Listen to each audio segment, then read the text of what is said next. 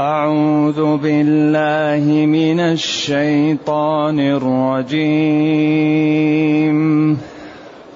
فأتياه فقولا إنا رسولا ربك فأرسل معنا بني إسرائيل. فأرسل معنا بني إسرائيل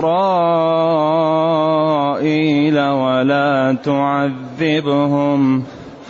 قد جئناك بآية من ربك والسلام على من اتبع الهدى.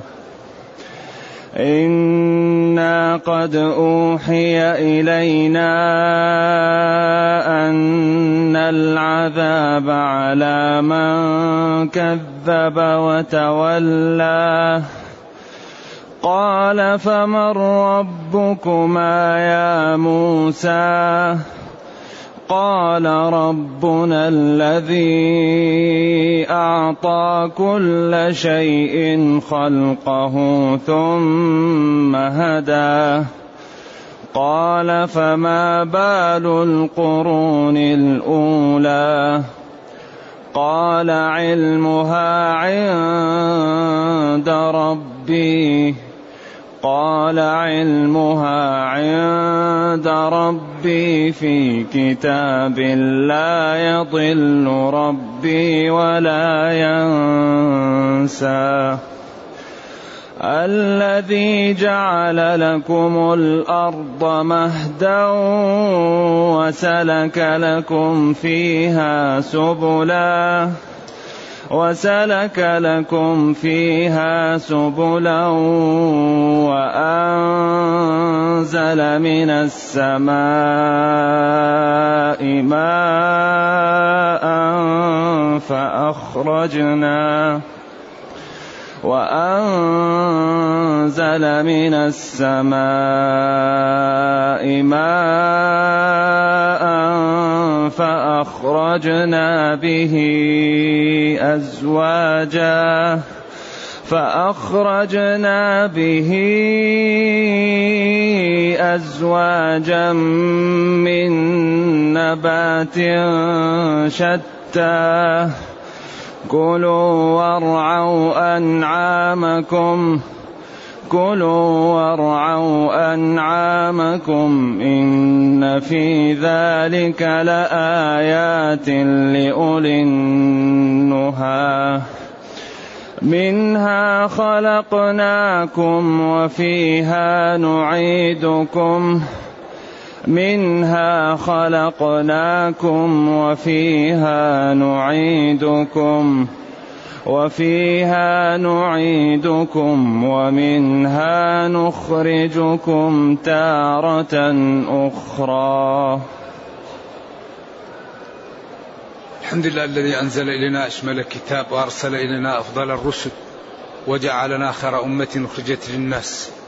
فله الحمد وله الشكر على هذه النعم العظيمة والآلاء الجسيمة. والصلاة والسلام على خير خلق الله وعلى آله وأصحابه ومن اهتدى بهداه. أما بعد فإن الله تعالى يقول لموسى وهارون فأتياه. فأتياه. الألف لموسى وهارون والهاء لفرعون. فأتيا فرعون يا موسى وهارون. وقولا له إنا رسول ربك. أيوة إنا رسول وفي الآية الأخرى إنا رسول. تكررت رسولا ورسول فقال العلماء رسول تنسيت المصدرية واستعمل الوصف فعدد ورسول نظير إلى المصدر والمصدر دائما يعبر عنه بتعبير واحد. تقول الزيدون فهم وزيد فهم والزيدان فهم. وقد تتناسى يعني المصدرية فتأتي الوصفية فيجمع ويثنى. وهنا إنا رسولا يعني قوية الوصفية فثنية إنا رسولا ربك. إذا فأرسل معنا بني إسرائيل. إذا نحن أرسلنا من ربنا لك يا فرعون بأمرين مهمين. الأمر الأول أن أن تعبد ربك وتطيع. الأمر الثاني أن تسلم بني إسرائيل وتتركهم من الاضطهاد والتعذيب. والتنكيل بهم.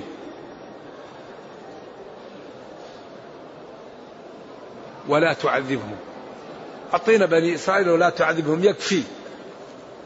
قد جئناك بآية. آية جعل العصا واليد آية. بعدين والسلام على من اتبع الهدى. قال كثير من العلماء ليس المقصود هنا السلام وإنما المقصود السلامة والعافية والمنقبة والكرامة والحظوة لمن استقام لمن اتبع الهدى. أي السلام هنا السلامة. أو يكون سلام السلام على من اتبع الهدى يعني ويفهم منها أن الذي لم يتبع الهدى لا سلام عليه ولا سلامة له. ولذلك لما أرسل نبينا صلى الله عليه وسلم الكتاب إلى هرقل عظيم الروم قال بسم الله الرحمن الرحيم. من محمد رسول الله إلى هرقل عظيم الروم. السلام على من اتبع الهدى. أما بعد فأسلم تسلم يعني كان كتاب فهنا والسلام على من اتبع الهدى محتمل أن السلامة والعافية والحظوة لمن استقام أو أن السلامة والتسليم على من كان مؤمنا مستقيما. ويفهم من دليل الخطاب مفهوم المخالفة أن الذي لا يتبع الهدى لا يسلم عليه ولا سلامة له. لكن السلام على كل الناس. أفشي السلام على من عرفت ومن لم تعرف. وقال وإذا حجيتم بتحية فحيوا بأحسن منها أو ردها. ما قال إلا إذا كان مسلما. لكن في النصوص أن الكافر لا يبدأ بالسلام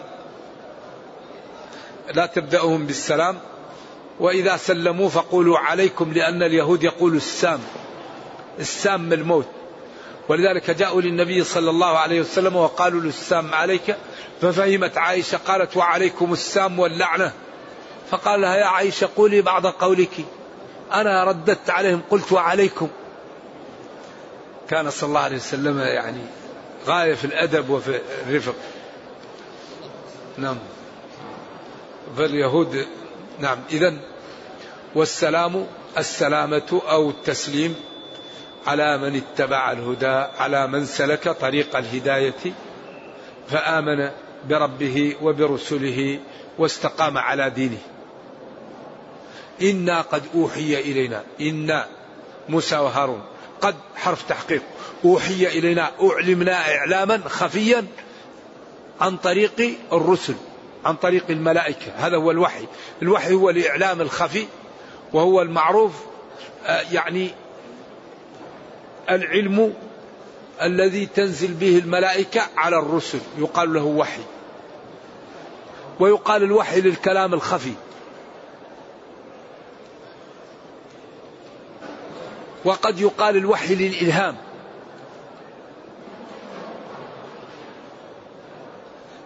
أن العذاب على من كذب وتولى.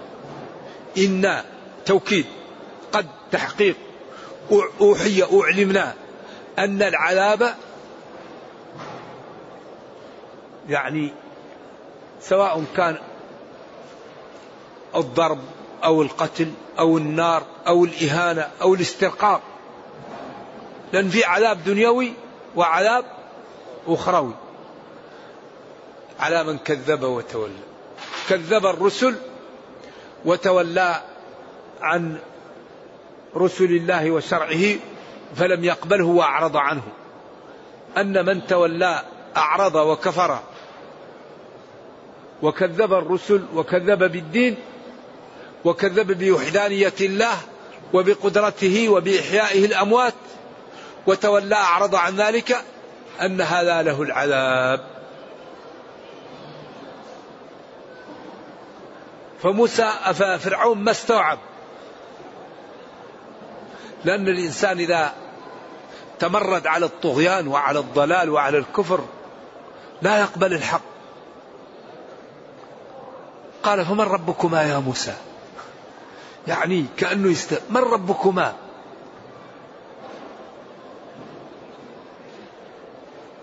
من ربكما؟ أي موسى وهارون. من ربك يا موسى هو اللي خاطبه. لذلك كل ما تعود الإنسان على الخطأ يرى الحق عين الضلالة. قريش تعودت على عبادة الأوثان. فلما قال لها نبيها الذي هو أشرف البشر وكانوا قبل نزول الرسالة عليه يسمونه الأمين الأمين ما عرفت عنه كذبة ولا عرفت عنه خيانة ولا عرف عنه إلا الخير. فلما جاءهم وقال لهم اعبدوا الله ما لكم من إله غيره قالوا أجعل الآلهة إله واحدا؟ إن هذا لشيء عجاب. ما في عقولهم لأنهم تعودوا على الضلال.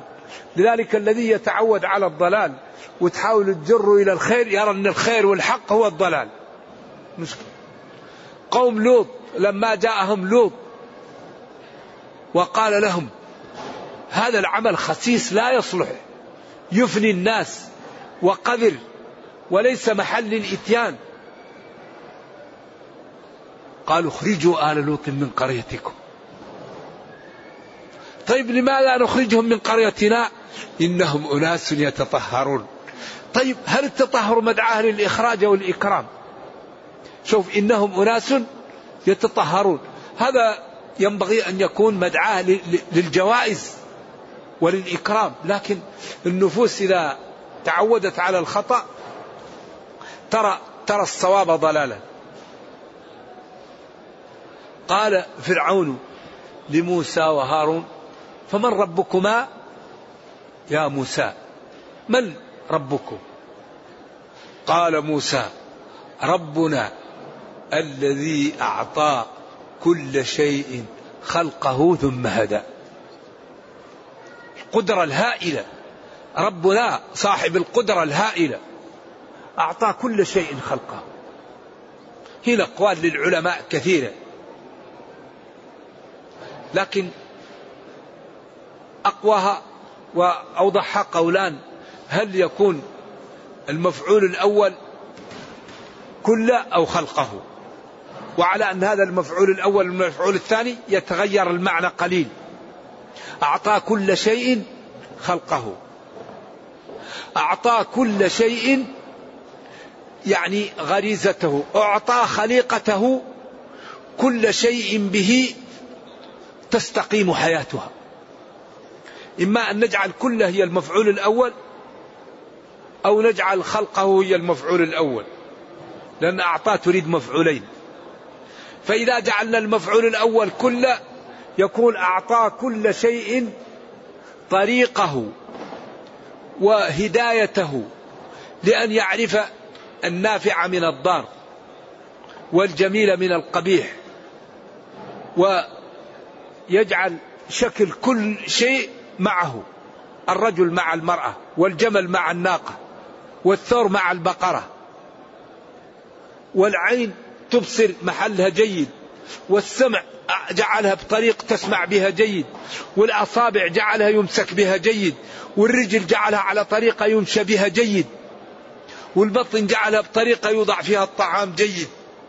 أعطاه كل شيء الطريقة التي هو بها مناسبة له. واللسان جعله بالطريقة التي يعبر بها جيد. ولذلك ذلكم الله. ربكم لا إله إلا هو خالق كل شيء فأنا تؤفكون. ذلك هذا عجيب. أعطاه كل شيء خلقه. كل شيء جعله. لذلك هداه على المنكح هداه على الأكل هداه على الشرب هداه على المسكن هداه على اللباس.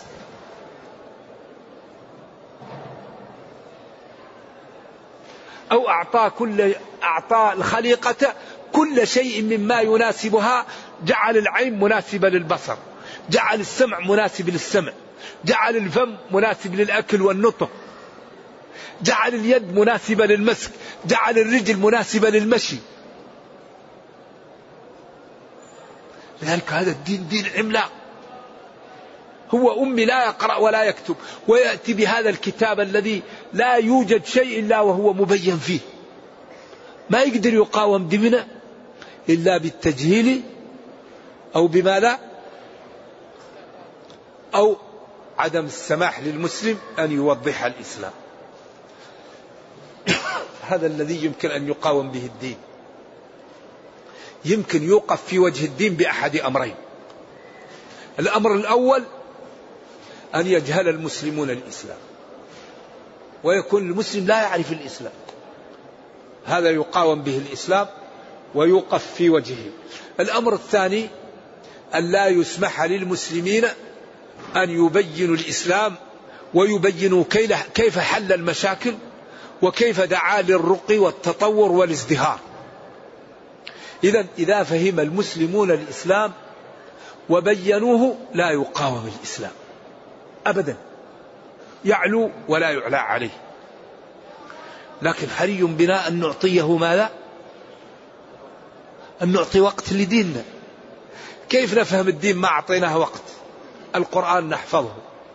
الأوامر نعرفها. النواهي نفهمها. الأحكام. فروض العين. فروض الكفاية. فروض المضيقة. الفروض الموسعة. ولذلك لا بد لنا أن نعطي وقتا لديننا حتى تكون العبادات على الطريقة المشروعة فيأخذ كل واحد منا الأجر كاملا في العبادة. أما إذا كنا لا نعرف الطرق التي شرع الله بها العبادات فإن الأجر ناقص أو معدوم. أول شيء ولا يحل له أن يفعل فعلا حتى يعلم حكم الله فيه ويسأل العلماء. قال العلماء ينبغي للمسلم لا يفعل فعل حتى يعرف ما حكمه. واجب يمتثل. مندوب مسنون مباح يفعل. حرام لا. فإذا كان لا يعلم يسأل. سألوا أهل الذكر إن كنتم لا تعلمون.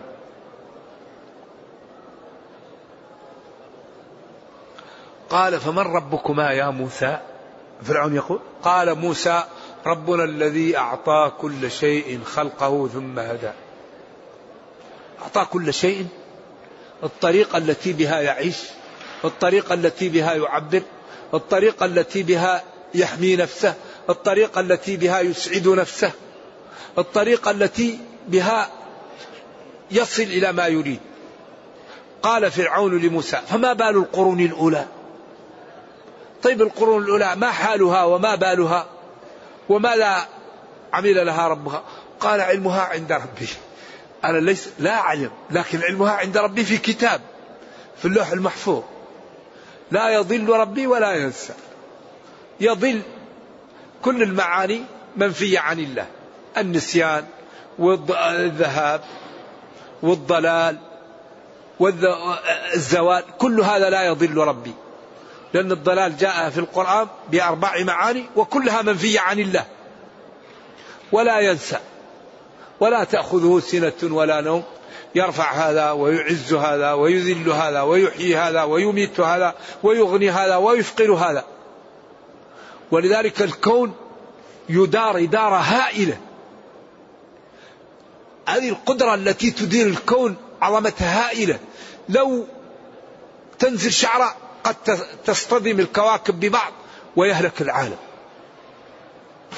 غازات تلف الكرة. لو تنخرق يهلك العالم. قدرة قدرة هائلة. كل شيء أعطاه. ثم هداه قال فرعون لموسى فما بال القرون الأولى؟ قال علمها عند ربي. لا أعلم. ولذلك الرسل لا تعلم إلا ما علمها الله. ما يمكن الرسول يقول لك أنا أعلم ما في غد ولا أحد. لا يعلم من في السماوات والأرض الغيب إلا الله. الذي يقول لك نعلم الغيب قل له بكل آه، صراحة أنت كذاب. قل لا يعلم من في السماوات والأرض الغيب إلا الله. لكن فيه غيب حقيقي وفيه غيب نسبي. واحد الآن هنا يمكن يخبر واحد بهاتف ويقول له شيء يقع في الحرم. فيقول الآن وقع في الحرم كذا وكذا. هذا بالنسبة لنا غيب لكن بالنسبة له هو ما هو غيب لأنه أخبر. ولذلك هؤلاء الذين يخبرون هؤلاء تخبرهم الشياطين. شياطين الجن الله أعطاهم قدرة على سرعة إيش؟ الحركة. يجري الواحد من الإنسان مجرى الدم وقد يسرع بشكل عجيب. فقد يخبر من يصطحم معه بشيء ويظن هو ما هو غيب. لكن قل له ما لا يقع في غد ما يقدر يعرف. لكن الشيء اللي حصل ما بقي غيب إلا غيب النسبي. في كتاب لا يضل ربي ولا ينسى الذي جعل لكم الأرض مهدا. الذي يمكن تكون في محل رفع محل نصب محل جر. وارفع وانصب إن قطعت مضمرا مبتدأ انه ناصبا لن يظهر. لا يضل ربي ولا ينسى الذي جعل لكم. ربي الذي جعل لكم. أو أعني الذي جعل لكم. أو أخص الذي جعل لكم. أو هو الذي جعل لكم. يعني أن الكلام مستأنف وهذا اختيار الوالد لقوله وأنزل لكم من السماء ماء. وهذا خاص بالله فيكون الذي استئناف لأنه عطف عليه شيء لا يصلح إلا لله.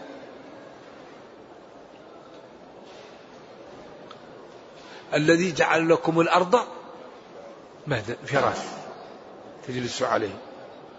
وجعل لكم في وسل وسلك لكم فيها سبلا السلك الإدخال. سبل. طرق. أي محل في الدنيا فيه طريق. لو كان الله جعل هذه الأرض حولها جبال سلسلة جبال ما يقدر الناس تعيش. فين تأتي للأرض؟ وسلك لكم جعل لكم فيها طرق. وأنزل من السماء ماء فأخرجنا به أزواجا من نبات شتى. وقلنا لهم كلوا وارعوا أنعامكم أمر للإباحة والإرشاد والامتنان. إن في ذلك لآيات لأولي العقول. هذه الأمور يكثر في القرآن إرادها. كثير هي أمور أربعة. أولا الخلق خلقنا وآباؤنا وخلق السماء والأرض وجعل الأرض فيها فجاج وسبل وإنزال المطر من السماء وإخراج النبات من الأرض. هذه يكثر في القرآن إيرادها لأنها لا يقدر عليها إلا الله وما لا يقدر على هذه لا يستحق العبادة إذا لا يستحق العبادة إلا الله. ولذلك لما قال أول أمر في المصحف أحدث تساؤل ضمني وذكر هذه الأمور. بعد أن قسم الناس إلى منافق وكافر ومسلم. وأهل الأرض لا يخلو من الثلاثة. ما في رابع لأهل الأرض. كل أهل الأرض إما مسلم أو كافر أو منافق. لا رابع لهذه القسمة أبدا. قسمة استقرائية. ووصف كل جماعة وأعطاها صفاتها وجزاءها. الذين يؤمنون بالغيب وجزاءهم. إن الذين كفروا وصفاتهم وجزاءهم. والمنافقون وصفاتهم وجزاءهم. ناداهم قال يا أيها الناس أي يا مسلمون يا كفار يا منافقون اعبدوا من؟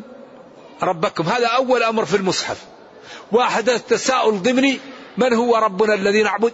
خلقكم وآباءكم وخلق السماء وخلق الأرض وأنزل المطر من السماء وأخرج النبات من الأرض.